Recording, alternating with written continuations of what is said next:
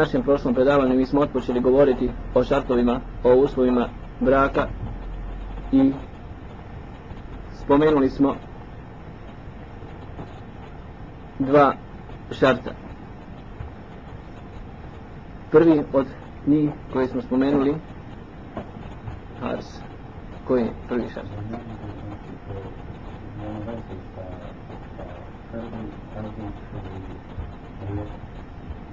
znači da postoji... A? Da ne postoji prepreka. Jer to je šart braka. A?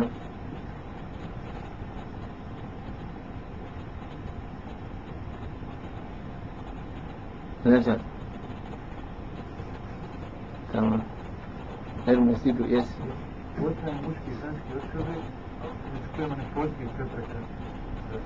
Je to šart brak? Nemojte mi, mi, miješati šartove i rukno. Da.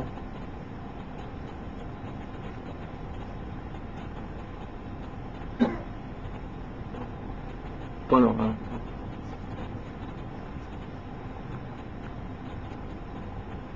50 dana bio ja u Tuzlu. Tako radili. On sa njima poglavlju temu, mu radili poglavlju busu i tako. A to smo mogli ti to opet radili, znaš. Vi imate neko predanje.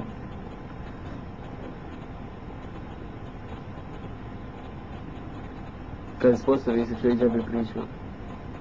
Dva sata. Ali... A? Nije džabe. Dobro mislim, u kari se džabe. A? Hajde mi koji su šarti. Kako sutra će vas neko zovniti da prisušuješ braku? Znaš, ti se još nisi ženio. Kako će se ženiti ako ne znaš šta ti je u braku? Ako ne znaš ruknove na kojima počiva? Ha? Nada.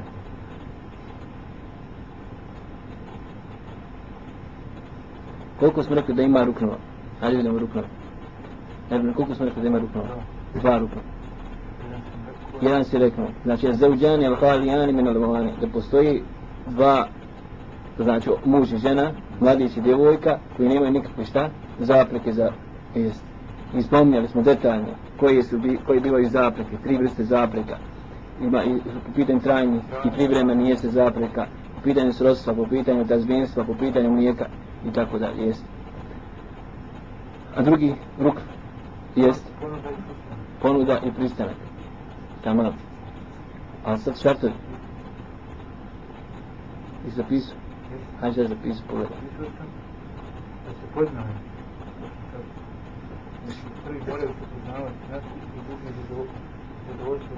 Jest, to su dva, znači mora se odrediti.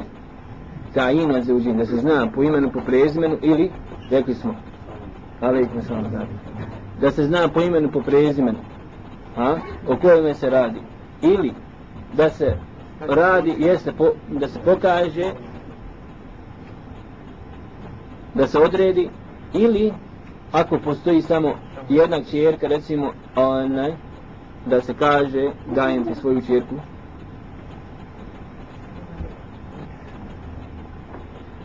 drugi šart rekli smo zadovoljstvo i muža i žene gdje nije dozvoljeno nije dozvoljeno da se prisili žena na brak. Ukoliko bi bila prisiljena koliko bi bila prisiljena taj brak i šta? Nevažeći kao što je onaj kao što nije dozvoljeno i da se čovjek prisili na brak bilo da se radi o mladiću ili da se radi o staratelju babi onaj žene da se prisili na udaju njegove čerke i kažemo takav brak je neispravan. Osim spomenuli smo slučaj babi ili tako u određenim situacijama, ali opet jeste. Žena kasnije šta? Ima pravo izbora, ima pravo izbora ili da raskine ona ili da nastavi taj brak. To je jest, to su mesele koje smo spominjali govoreći ova dva šarta. Tako da ćemo mi večeras inša Allah ta'ala hari se dobro zapamtiti. Pa Onaj, govoriti o trećem, o trećem šartu, o trećem uslovu braka, a to je staratelj, a to je staratelj gdje zbilja čovjek treba obraćati pažnju s obzirom da na našim prostorima ima jedan loš adet jedan loš običaj. Da se žena udaje bez pitanja staratelja. Da se žena uda bez da pita svoga babu koji Allah subhanahu koga Allah subhanahu wa ta'ala zadužio za nju. Često puta često puta vjerujte dođe čovjek i pita šta da radi da li može oženiti djevojku bez pitanja babe bez pitanja njeni i tako dalje draga braćo i sestre uzvišnji Allah subhanahu wa ta'ala je dao svako njegovo pravo. Dao je pravo ženi ali isto tako dao i pravo babi. Dao je pravo i babi koji je odgajao tu svoju čerku 16, 18 ili 20 ili nekoliko godina.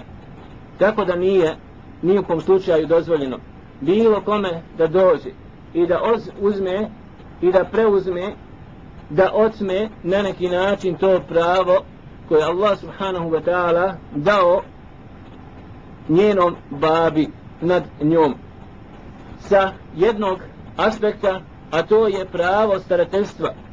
Pravo starateljstva zbog toga što je taj babo odgajao nju ali ima još jedno drugo veoma bitno pravo a to je da žena sama ne može procijeniti čovjeka to uzmite kao pravilo s obzirom na mentalni sklop koji Allah subhanahu wa ta'ala stvorio kod žene lako je povodljiva lako je povjerljiva i lako može biti obmanuta i prevarena u braku.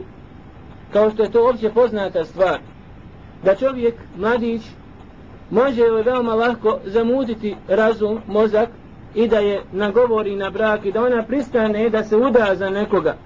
A da ne sagleda dovoljno sa svih aspekata tog mladića, tog čovjeka. I ne može ga ona znati nikako kao što je može kao što ga može znati muškarac.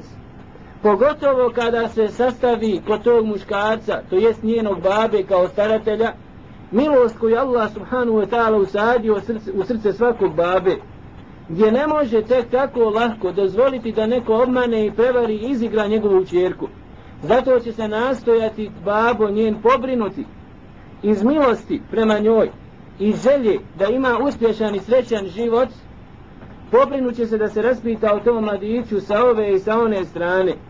Zatim sam razgovor babe i mladića vjerenika koji je došao da zaprosi njegovu čerku. Se razlikuje gdje opet ima iskustvo pazite sa ljudima veoma bitnu ulogu da čovjek može procijeniti samoga tog mladića odnosno svoga budućeg zeta. Otuda došao je hadith Allahu poslanika sallallahu alaihi wa sallam od Abu Hureyre radijallahu ta'ala zatim došao je hadith od Ibn Abbas radijallahu ta'ala anhuma da je Allahu poslanik sallallahu alaihi wa sallam rekao i također taj hadis došao je od Aisha radijallahu ta'ala anha la nikaha illa bi walijin nema braka nema braka osim sa dozvolom staratelja. Kažu islamski učenjaci u komentaru ovog hadisa la nikaha sahihun mu'tabarun illa bi wali. Nema ispravnog braka koji je validan kod Allaha subhanahu wa ta'ala osim sa dozvolom staratelja. Vidjet ćemo ko se može biti staratelj za ženu. zato je došao hadis od Aisha radijallahu ta'ala anha da je rekao Allahu poslani sallallahu alaihi wa sallam eyyuma mr'atun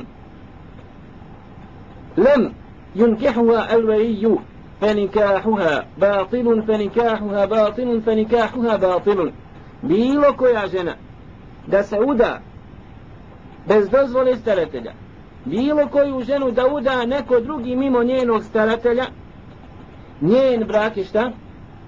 Neispravan, njen brak je neispravan, njen brak je neispravan zato kaže Ebu Hureyre radijallahu ta'ala anhu a? da je Allah poslanik sallallahu alaihi wa sallam odnosno ovo je predao od Ebu Hureyre ob Ebu Hureyre radijallahu ta'ala anhu da samo bludnica sebe vjenčaje sama samo bludnica jeste sama sebe udaje tako da vidimo razumijevanje ashaba Allahu poslanika sallallahu alaihi ve sellem. po ovom pitanju je bilo jasno da se ne može žena sama udati. Ne može udati sama sebe i ne može a, još prije i peće onda da ne može nekoga drugoga udati ona. Ako ne posjeduje starateljstvo nad sobom kako onda može posjedovati starateljstvo nad nekim drugim? Tako majka ne može udati čerku ne može žena udati svoju sestru ne može udati svoju tetku ili tako dalje i tako dalje. Žena ne može biti staratelj u ovim pitanjima. Allah subhanahu wa ta'ala je postavio starateljstvo kao što smo rekli muškarcima. Kao što smo rekli muškarcima. Ovo je stav većine islamskih učenjaka. Pazite ovo je stav većine islamskih učenjaka za razliku od Ebu Hanife rahmatullahi alihi, koji smatra da žena sebe može šta udati sama. I taj i dokaz koji uzima Ebu Hanife rahmatullahi alaihi jeste jedan kuranski ajet. Ali koji govori pazite o jednoj situaciji gdje kaže sam imam i šafija kada odgovara Ebu Hanifi na ovaj argument koji je on sebi uzeo za dokaz da žena sebe može sama udati. Kaže imam i šafija ovaj kuranski ajet je dokaz protiv Ebu Hanife nijekom slučaju ne može biti dokaz za njega koji je to kuranski ajet kuranski ajet u suri Bekara gdje kaže Allah subhanahu wa ta'ala فلا تعضلوهن أن ينكحن أزواجهن إذا تراضون بينهم إذا تراضوا بينهم بينهم بالمعروف إنما يمشنتي ناسيلة kaže Allah subhanahu wa ta'ala vidjet ćemo povod ovog kuranskog ajeta nemojte im činiti nasilje. Obraća se Allah subhanahu wa ta'ala staratelju žene. Nemojte im činiti nasilje da isprečavate od udaje a? ako žele one da se vrate svojim muževima. Ako one žele same da se vrate svojim muževima. Ovaj kuranski ajat uz Abu Hanifa rahmetullahi alaih pa kaže žena sama sebe može udati jer Allah subhanahu wa ta'ala je naredio staratima da ih ne sprečavaju da ih ne sprečavaju da im ne čine nasilje ako one žele da se udaju da se vrate svojim muževima neka se vrate subhanallah ovaj kuranski ajet ima svoj povod. Koji povod? Jedan od Ansarija imao je sestru nad kojom je imao starateljstvo jer nije imala babe. Pa je jedan od muhađira a, zaprosio njegovu sestru i dao mu je svoju sestru za ženu. I počestio ga i lijepo se podio prema njemu kao prema svome zetu. Da bi nakon određenog vremena ovaj muhađir razveo njegovu sestru, što je njemu izuzetno teško palo. Kao vid poniženja, kao što je to uopće poznata stvar, da nikome nije jednostavno da mu neko one razvede njegovu sestru ili čerku i tako dalje, pa je vratila se njegova sestra ponovo kod njega, kod svoga brata, pa je u tom momentu dok je još bila šta, u iddetu, došao njen muž da je vrati. Međutim, ovaj put kaže Ansarija, ja sam ti dao svoju sestru za ženu, počastio sam te i a, onaj, odnosio sam se lijepo prema tebi, a ti si meni na takav jedan način uzvratio i nije dozvolio da se njegova sestra vrati svome mužu, još je bila u iddetu, a ona je sama željela. Pa je Allah subhanahu wa ta'ala pomogom ovog Ansari objavio ovaj, ovaj kuranski ajet, فَلَا تَعْبُلُوهُنْ nemojte im činiti nasilje ako mi dvoje se šta su zadovoljni da žive i da se vrati ona njemu nema pravo ti da joj zabraniš tako da ovaj kuranski ajet upućuje na jednu drugu stvar a to je na, či, zabrana činjenja nasilja od strane staratelja o čemu ćemo kasnije govoriti ako Bog da.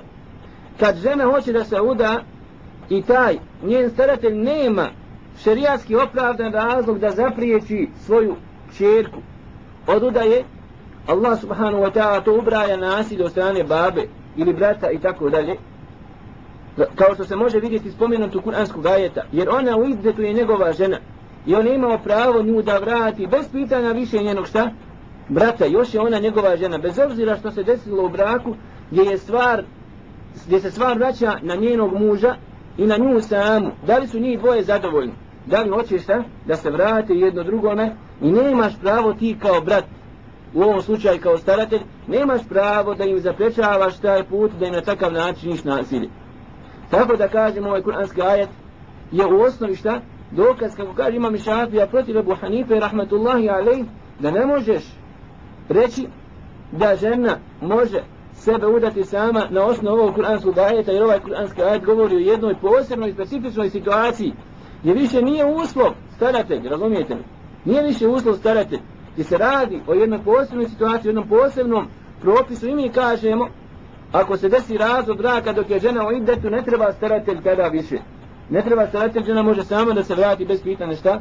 Svoga babe, bez pitanja svoga staratelja, ona je još, njegova ima pravo da je dođe da je uzme, ako je ona zadovoljna i ako je on zadovoljan da se ponovo vrate jedni drugima.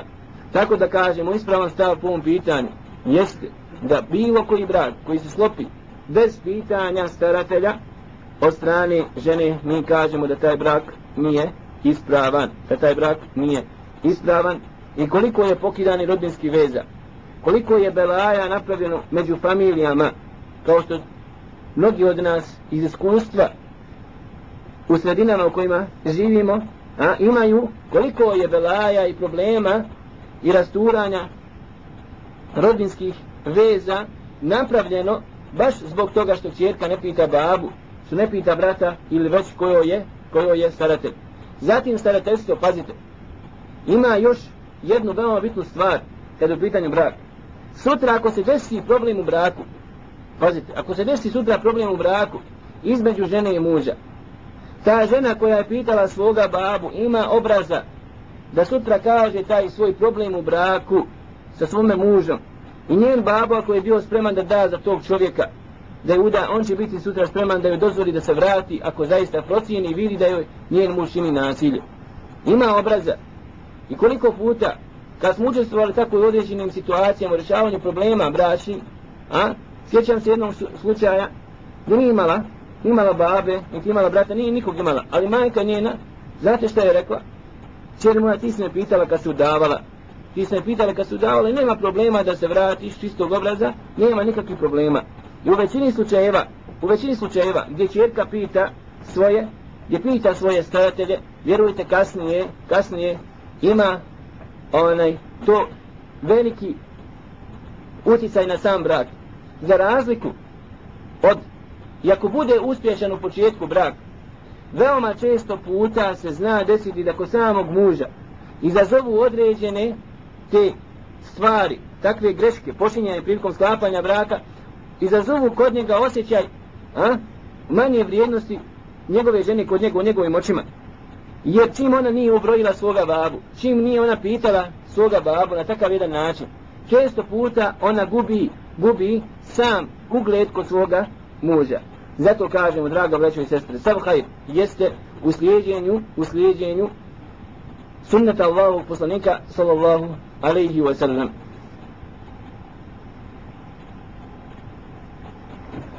staratelj mora imati određene uslove da bi mogao biti staratelj. Tako spominje Ibn Kodama, rahmetullahi alej, da je jedan od tih uslova koji se mora naći kod staratelja. Ne može svaki babo biti, šta? Staratelj.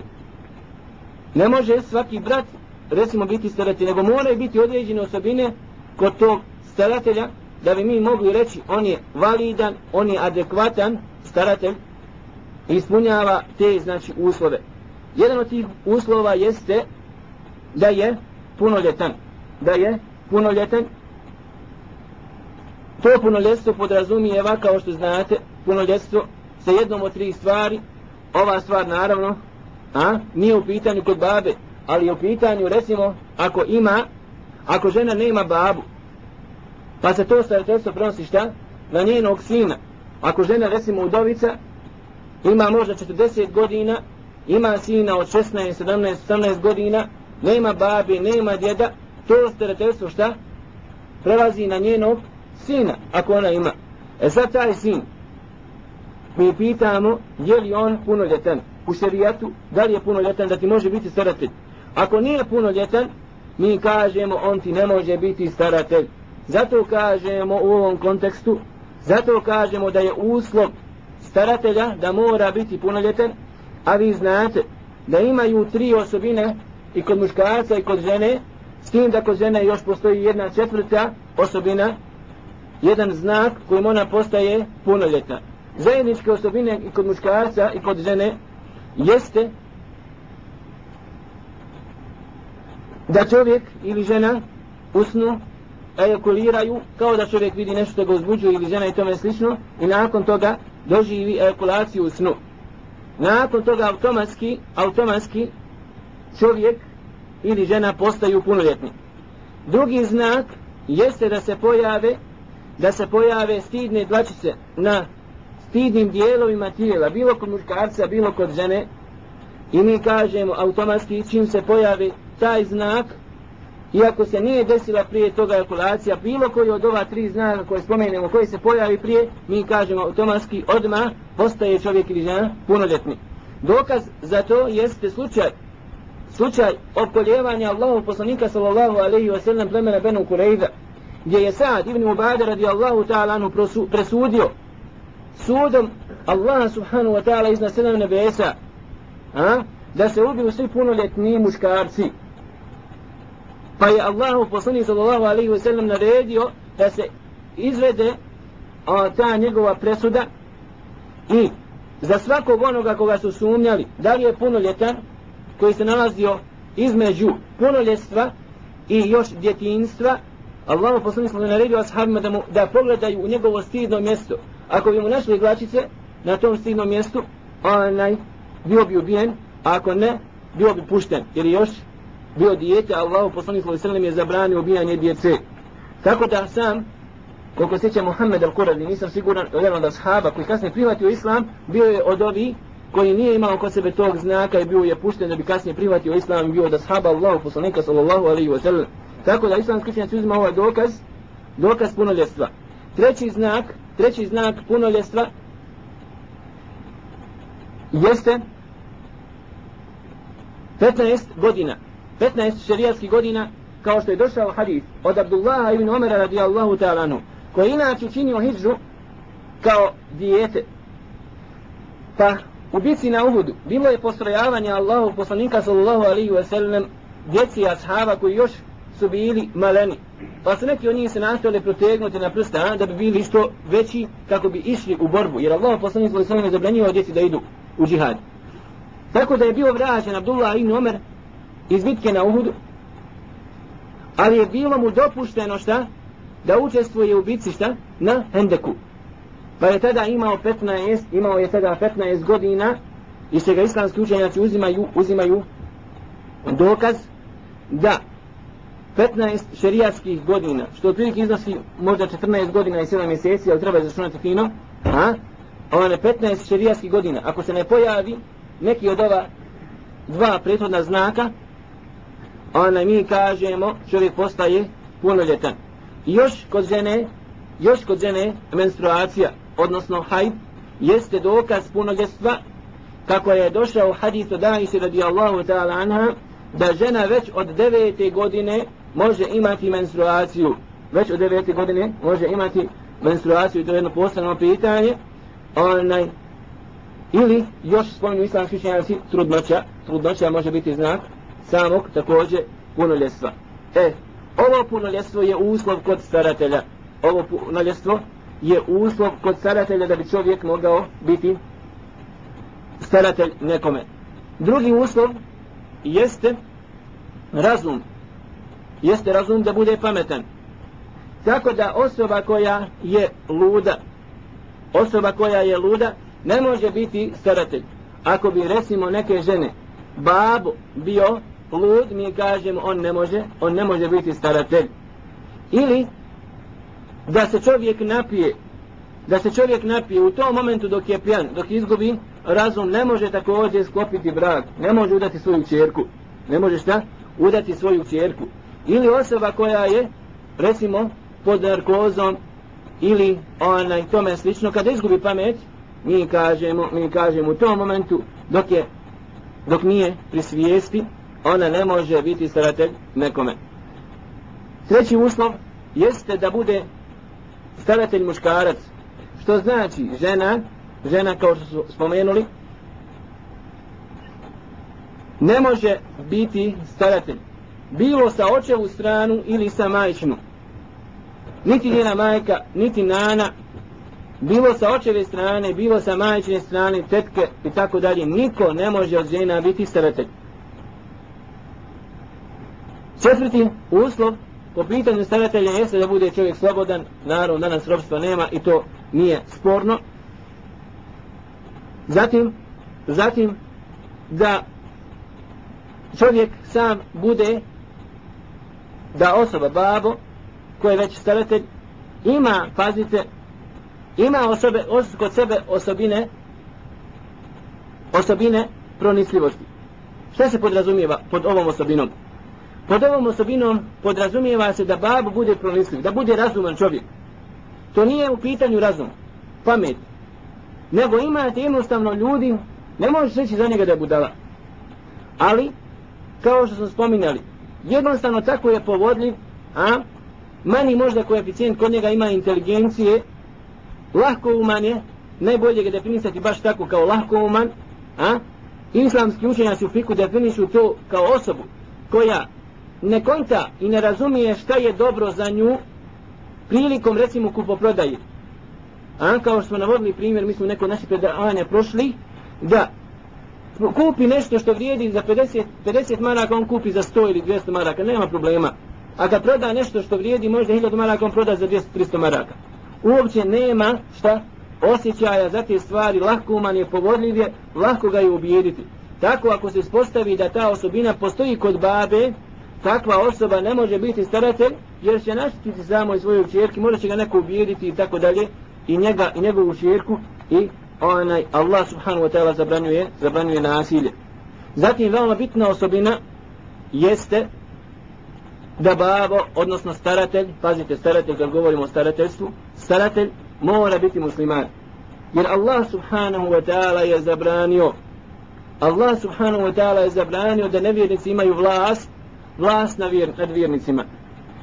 I o tome Allah jasno govori ولن يجعل الله للكافرين على المؤمنين سبيلا neće Allah subhanahu wa ta'ala dati vlast nevjernicima nad vjernicima babo koji je nevjernik babo koji je nevjernik sve kada bi htio ima koliko da bi volio i želio hajr svojoj čerki on ne može biti staratelj on ne može udati svoju čerku on mora biti musliman Zato veoma često ćete vidjeti da dođe mladić i pita, eto, može bez babe, babo ju ne klanja. Babo je ovakav ili onakav. Draga braćo i sestre, takva pitanja, takve mesele, takve mesele, a, su veoma velike mesele, gdje faktički ti na taj način proglašavaš čovjeka nevjernikom ako bi uzdigao sa njega starateljstvo zbog toga što ne klanja. Razumite? Čovjek koji bude vjenčao na takav jedan način tog čovjeka da uzdigne starateljstvo sa njegovog punca toga sa babe recimo a? on kao da ga je proglasio faktički na takav jedan način nevjernikom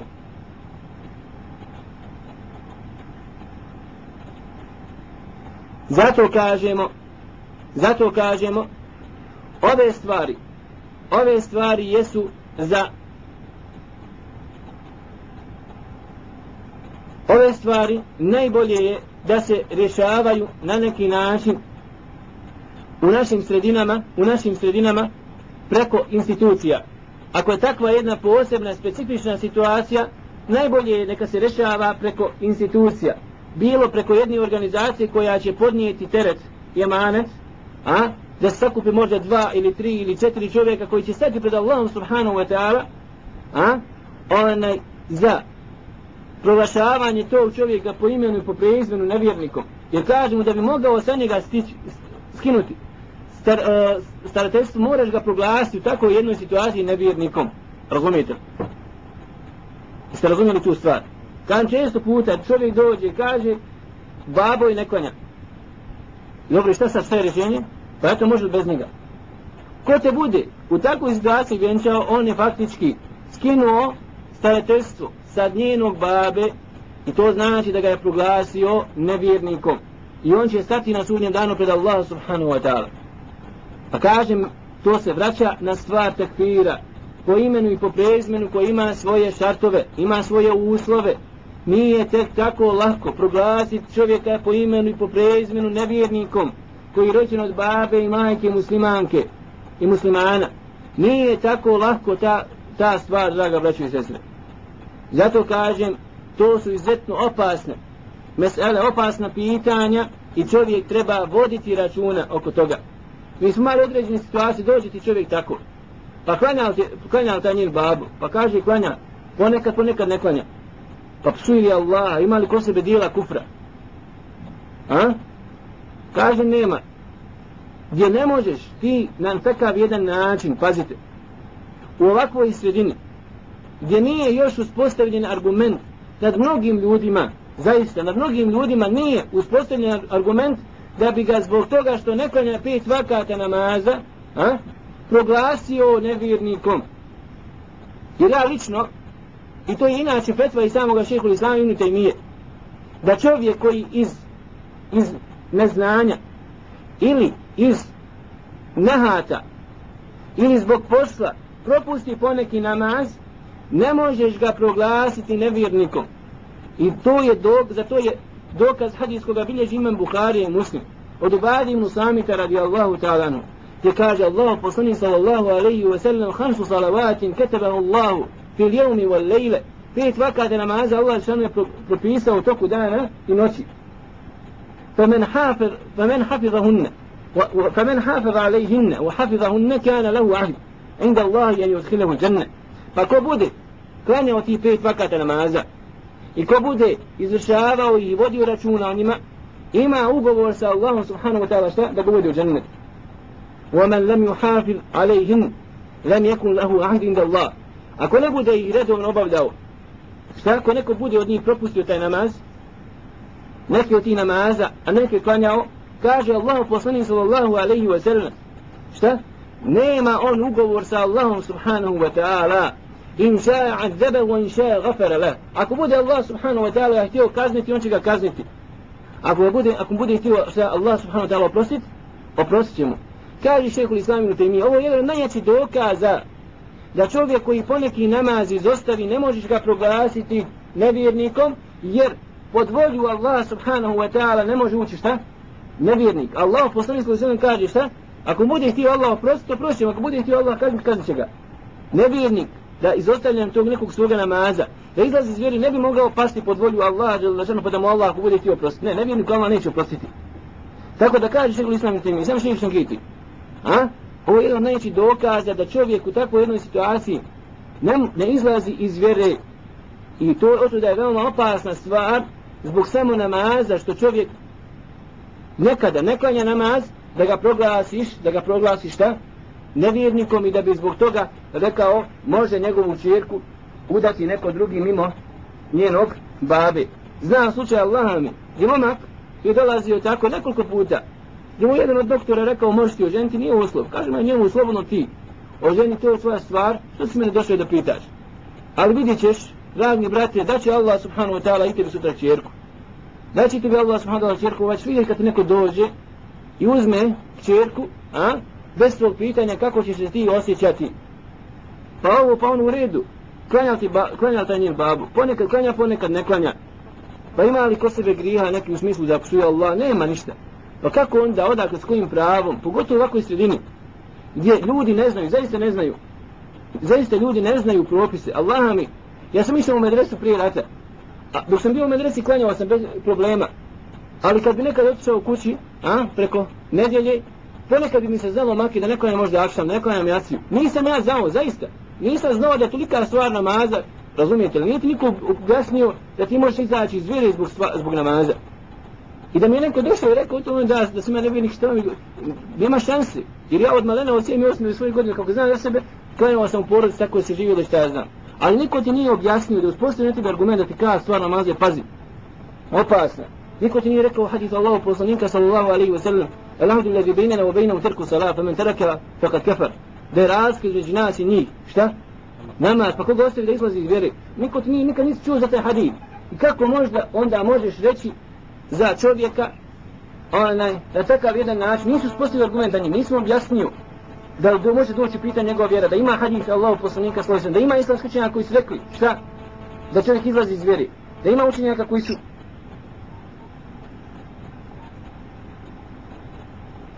da ima islamski učenjaka koji su rekli da se osoba koja propusti samo jedan namaz, a?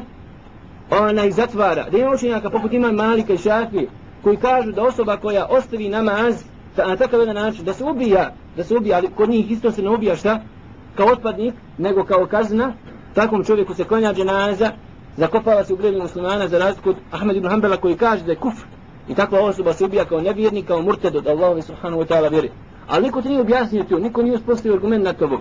I kažem, oto da je izuzetno opasna stvar da one se poigravaju ljudi sa proglašavanjem čovjeka nevjernikom na takav jedan način u cilju da bi došao do njegove čerke, odnosno da bi došao do tog braka.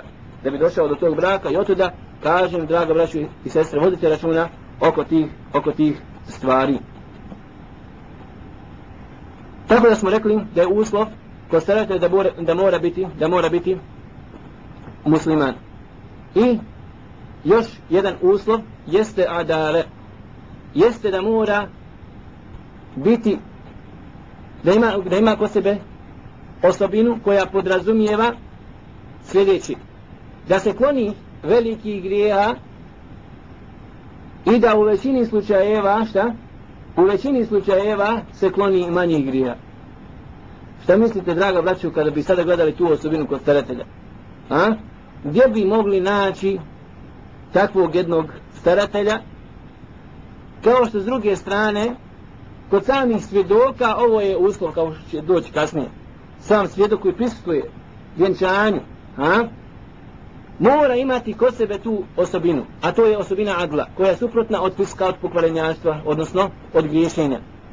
Definicija adla jeste da znači kloni se veliki grija, da pri sebi nema velikih grija i da u većini slučajeva u većini slučajeva onaj kloni se mali grija. To je definicija prava, znači koja se ta, to je prava osobina koja se mora naći kod staratelja. I ta osobina se mora naći kod samoga svjedoka. Kažemo kada bi rekli ovako nešto, ko bi onda mogao biti staratelj, ko bi onda mogao, mogao biti svjedok. Pogotovo učenjaci hanefijskog mezheba, draga braća i sestri. Pogotovo učenjaci hanefijskog mezheba su žestoki po tom pitanju i po pitanju svjedočenja. Ali, ali, kažu islamski učenjaci, kada se proširi fisk pokvarenjaštvo među ljudima, a? i među muslimanima i kada se pog, pog, raširi griješenje prema Allahu subhanahu wa ta'ala nema sumnje da i sami ovi okovi tada postaju šta?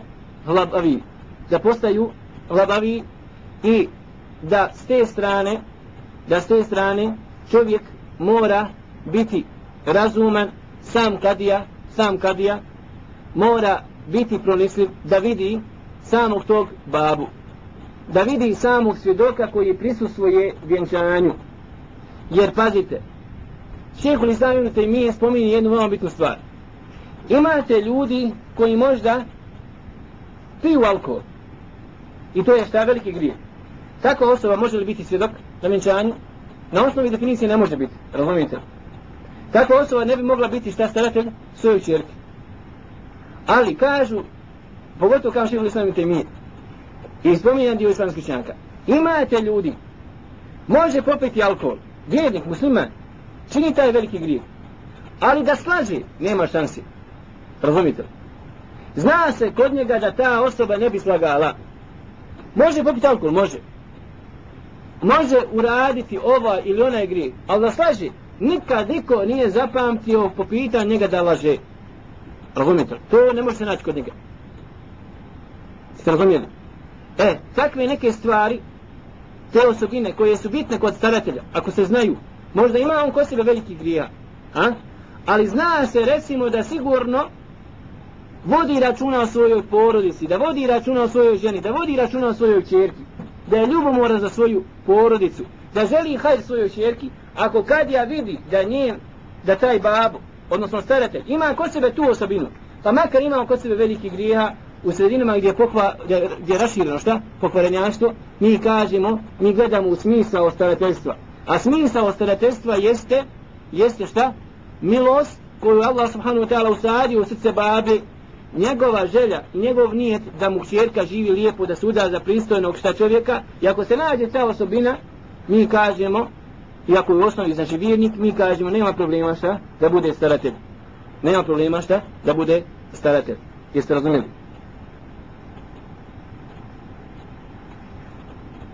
Jeste razumijeli tu stvar? Ha? Da Allah pomogne samo, Bogam da Allah samo pomogne.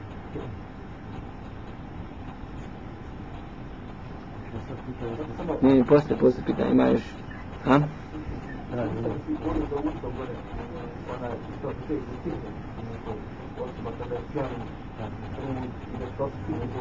A svaka zapreka koja oduzme čovjeku pamet.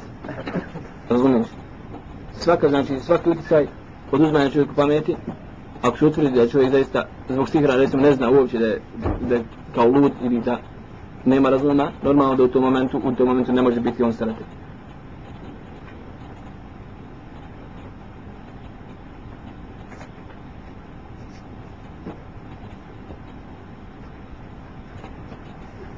Komentar sam. Ha? Ću što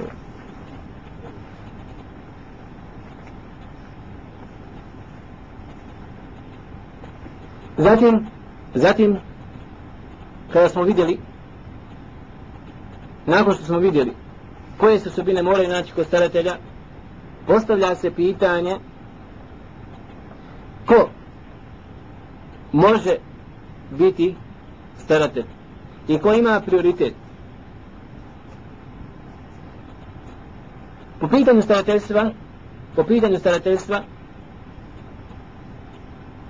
ima određena, imaju određeni prioritet, što podrazumijeva da ne može se ići na rodbinu, ženinu, recimo koja je dalja, u odnosu na staratelja koji, ako postoji koji je bliži.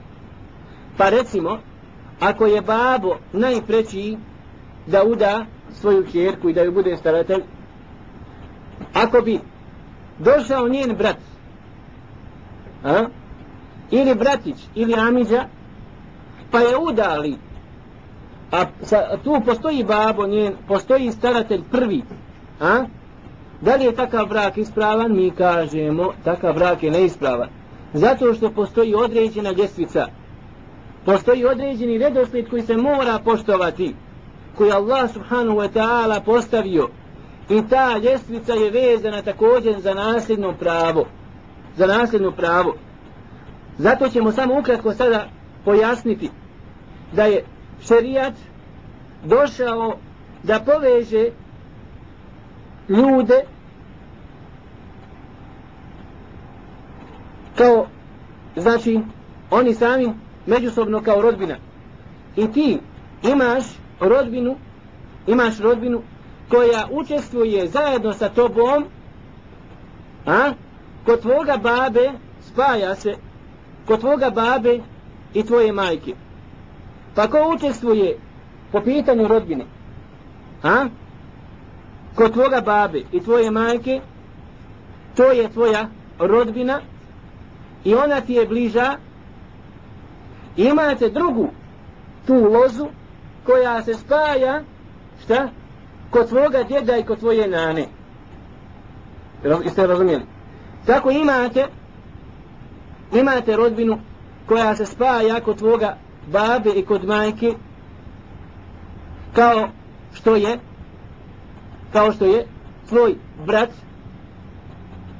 po ocu i po majci imaš brata koji ti je brat samo po ocu i imaš nakon toga dolaze djeca od brata tvoga po ocu i po majci zatim djeca od tvoga brata samo šta? Po ocu. To je kad govorimo po ovom slučaju, ovom pitanju, u ovom pitanju, pazite, u ovom pitanju, po pitanju žene, starateljstvo nad ženom. Nakon toga dolaze, dolazi rodbina koja se spaja kod tvoga, kod njenog djeda. A, i kod mene, a to su šta? Amiđe.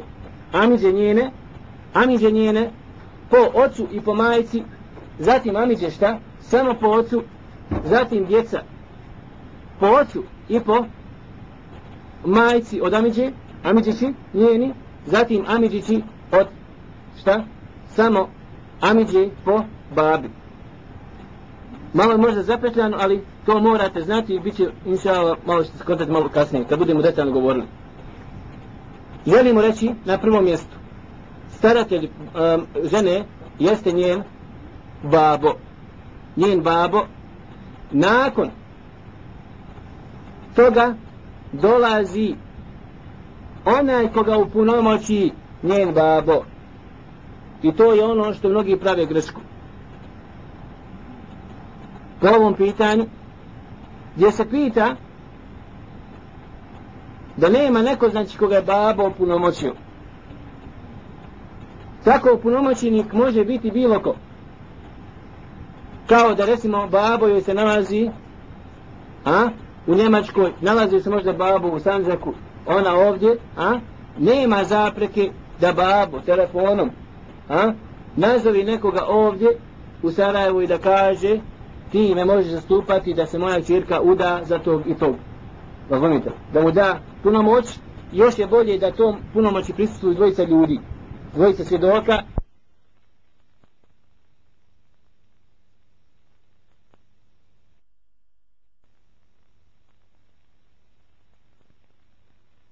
nakon babe dolazi šta? Njen djed. I gleda se na uzlaznu lozu. Ali samo sa očevu stranu, zapamtite, majčina strana nema nikakve veze. Jeste. Samo sa očevu stranu, gleda znači djed ili pradjed i tako dalje. Nakon toga dolazi silazna njena linija. Gledamo na ženu, gleda se na djecu njenu, jest. Ali muške šta? Potomke opet. Kao što je sin, zatim sin od sina, to jest muško unuče i tako dalje. Pa makar išli i dole. Jeste razumijeli? Nakon toga, nakon toga, dolazi sporedna linija, kako se to zove Al-Hawashi. Jeste razumijeli? Ovo je temelj, znači uzlazna loza, ovo je silazna loza i dolazi nakon toga, nakon toga, dolazi sporedna loza, sporedna familija, a to je njen brat. Njen brat. Nakon brata dolazi šta? Bratići i tako dalje. I oni su preći, njen bratić je preći u odnosu na njenog amiđu. Jer evo gdje dolazi sada sudar loza kod majke i babe. Jer njen bratić a, se veže sa njom kod njenog babe i kod majke za razliku od amiđe. Gdje se sudara sa ženom šta? Kod djeda. Ste razumijeli? I kod nane. Bratić žene je preći njoj da je uda nego njen amidža. Ste razumili? i tako dalje sa strane sin od bratića i tako dalje je preći od Amidže zato što se šta spaja bliže kod njenog babi odma i kod njenog majke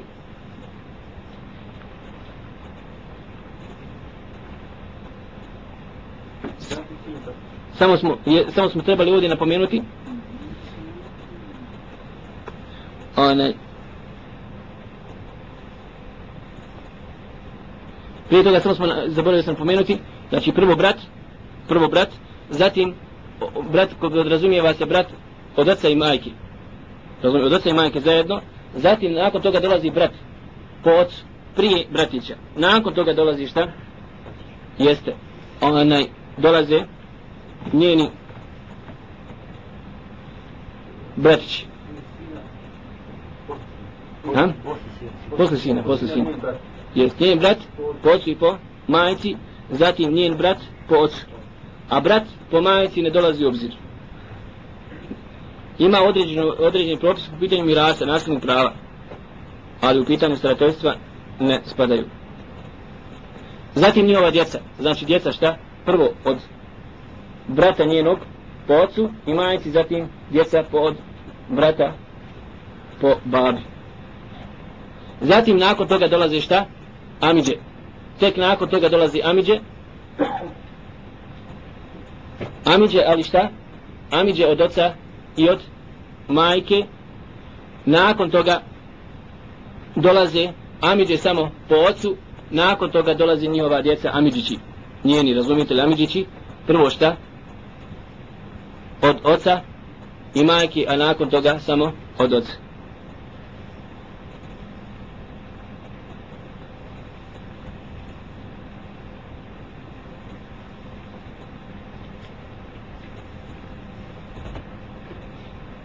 Uglavnom onaj ljudima dosadno, ali vjerujte mora se tako te neke stvari moraju se znati. Zatim, je sami će od oca.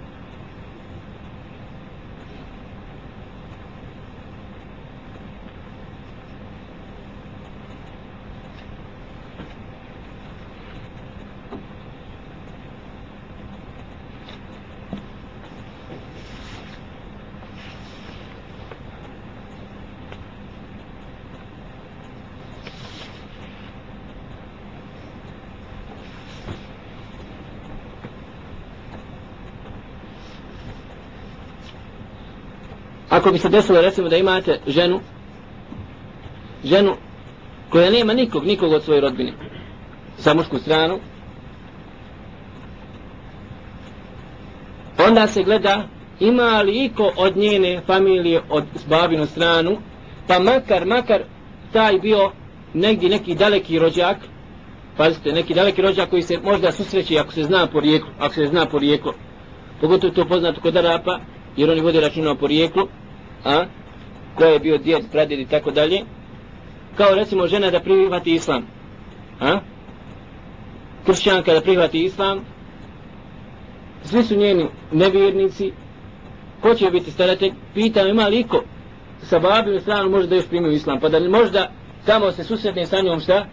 Sa četvrtim koljenom, sa petim koljenom ili tako dalje? Kod njenog možda petog djeda, šestog djeda nije bitno ali šta? Gleda se najbliži ako postoji, ali to su posebne situacije i rijetki, izuzetno rijetki, ali eto, dešavaju se i u takvoj situaciji čovjek treba pitati da li ima iko, znači, od rodbine sa babinu stranu da je možda prihvatio isto islam, pa tada bi on šta? Bio, bio staratelj.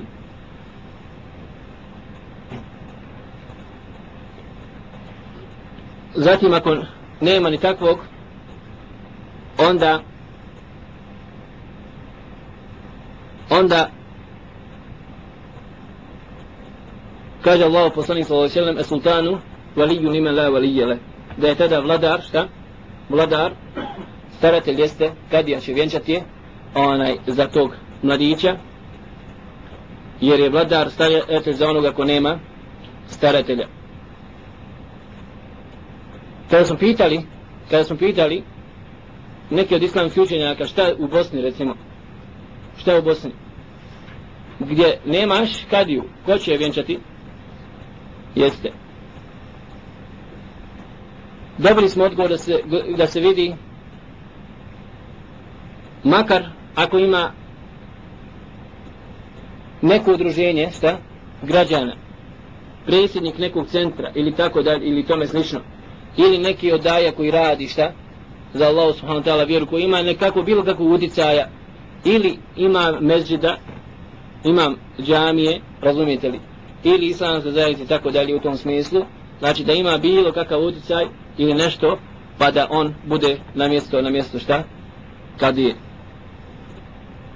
I to je najveći, draga braćo i sestre, problem kad čovjek nema hilafeta. Onda jeste naiđe na ogromne probleme, jednostavno dođe situaciju da ne zna kako, kako. Željemo je da sprovede Allah subhanahu wa ta'ala zakon, da ispoštuje Allah subhanahu wa ta'ala propis, ali to je taj belaj, to je taj belaj što nemaš, nemaš vlast, nemaš svoju policiju, nemaš svoga, svoje sudstvo, nemaš svoju vojsku koja će štititi i braniti taj zakon, a koji Allah subhanahu wa ta'ala naredio vjernicima da sude po njemu. I to je najveći musibet prije bilo čega drugoga. Ali eto, da se čovjek boji Allah subhanahu wa ta'ala koliko može. I kažem, mnogo, mnogo puta kad smo raspravili ovako sa određenim doktorima, kad smo pitali šta ovo i šta ono, na kraju, i on sam kad dođe u nekako to stanje, da ne znate šta će odgovori, samo kaže, bojte se Allah koliko možete. Jer zaista musibet, kad čovjek živi u državi, gdje jednostavno onaj, ne može sprovesti određene te stvari. Ali eto, onoliko koliko može, čovjek treba da se boji Allah subhanahu wa ta'ala i da radi.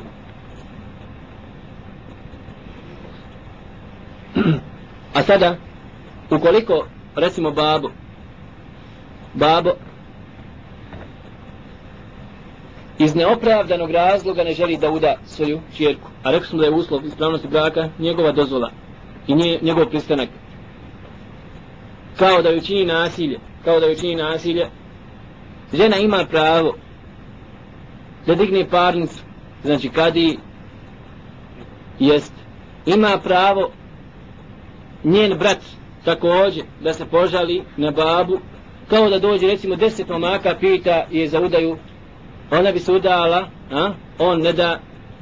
Činio nasilje na takav jedan nađiv, on u tom slučaju žena ima pravo, žena ima pravo da se uda bez dozvoli babi, ali kažem, pazite, vrata ovakvim fetvama se ne otvaraju, ne otvaraju se tek tako lako i takve situacije treba rješavati na neki način ljudi koji imaju koliko toliko znanja da pokušaju sagledati situaciju, da procijene, a? da li je zaista određeni ti argumenti njeni koji ona navodi, da li su na mjestu, da možda pokuša saslušati babu, da uđe u taj problem i da na takav jedan način onda procini da bi mogao reći nešto. Razumite? Jer kažem, često puta, često puta ljudi sebi uzimaju tu stvar, on sam sebi procini. Ne, ta stvar ne može se pojedinačno procenjivati. Jer kad bi svako sebi procjenjivao, a, i žena kad bi sama sebi procenjivala, s druge strane, kad bi mladić sebi procjenjivao sam, onda svi bi se ženili kako hoće, žene bi se davale opet kako hoće, ništa nisam postigli. Razumite? Jer kam to su posebne specifične situacije u osnovi, u osnovi u šerijskoj državi, to se rješava dizanjem parnice pred kadiju, gdje kadija pozove i babu, a, bilo milom, da ga pozove pa da dođe bilo silom kad ima policiju, koji ga sprovede i dovede ga, da sasluša i njega, koji su njegovi argumenti, zbog čega ne želi da udaje čjerku, sasluša njene argumente, a ona čuje ako ima neko svjedoka i nakon toga procijeni i vidi ako babo nije u pravu iz neopravdanog razloga činio je nasilje ne da suda a, kao da ga i nema. Bez obzira da je, da je najpobožniji i da je najbolji ako kadija utvrdi i vidi sudija da nije su njegovi argumenti u pravu Allah subhanahu wa ta'ala ne dopušta nikome nasilje i onda kad je skida sa njega starateljstvo dovede nakon toga sina ako ima ako nema sina ide na šta? Na brata i brat je onda uda uda onaj za njega, za mladića. Tako da kažemo, draga braća i sestre, postoji znači te određene situacije, kad spada starateljstvo, bez obzira što postoji babo, ali kažem, to su posebne i specifične situacije koje treba ju se procijeniti i na neki način treba neko od ljudi ko će stati, ko će stati za takvu jednu stvar pred Allahom subhanahu wa ta'ala na sudnjem, na sudnjem danu. Ili također starateljstvo može spasti sa babe kao u situaciji da je otputovao da se ne zna za njega, da se ne zna za njega pogotovo prije dok nisu bila e, dok nisu bile e, komunikacije tako razvijene kao danas da ode čovjek možda u neku drugu zemlju i ne zna se za njega ili veoma teško je doći do njega i treba im možda i mjesec ili dva mjeseca da čovjek pošalje pismo pa da mu odgovori se pismo. Mladić je možda došao pukuca na vrata mati bi je dala, ona bi pristala nema babe, ako budu čekali možda dođe odgovor od njega za dva mjeseca, ode prilika, kažu islamski učenjaci u takvoj jednoj situaciji, a? dozvoljeno je da pređe starateljstvo, ide odmah na brata, bez obzira što babo jeste a? prisutan, ali nije prisutan tu, živ jeste, ali nemaš mogućnost za njega da dođeš i tako dalje. Međutim, ako su dan, kao danas, ili onaj, u većini slučajeva mogući dostupan, onda mi kažemo naravno, nema od toga ništa, nek se nazove telefona, nek se vidi i tako dalje, da se uzme njegovo mišljenje, šta će reći i onaj, nakon toga da se procijeni. Tako da kažemo, ako bi bez opravdanog razloga neko preskočio babu ili ako je babu umro, pa starateljstvo prešlo, prešlo recimo na njenog brata, pa neko dođe i preskoči šta, njenog brata kao Amidža, da je uda, mi kažemo taj brak je neispravan, taj brak je neispravan.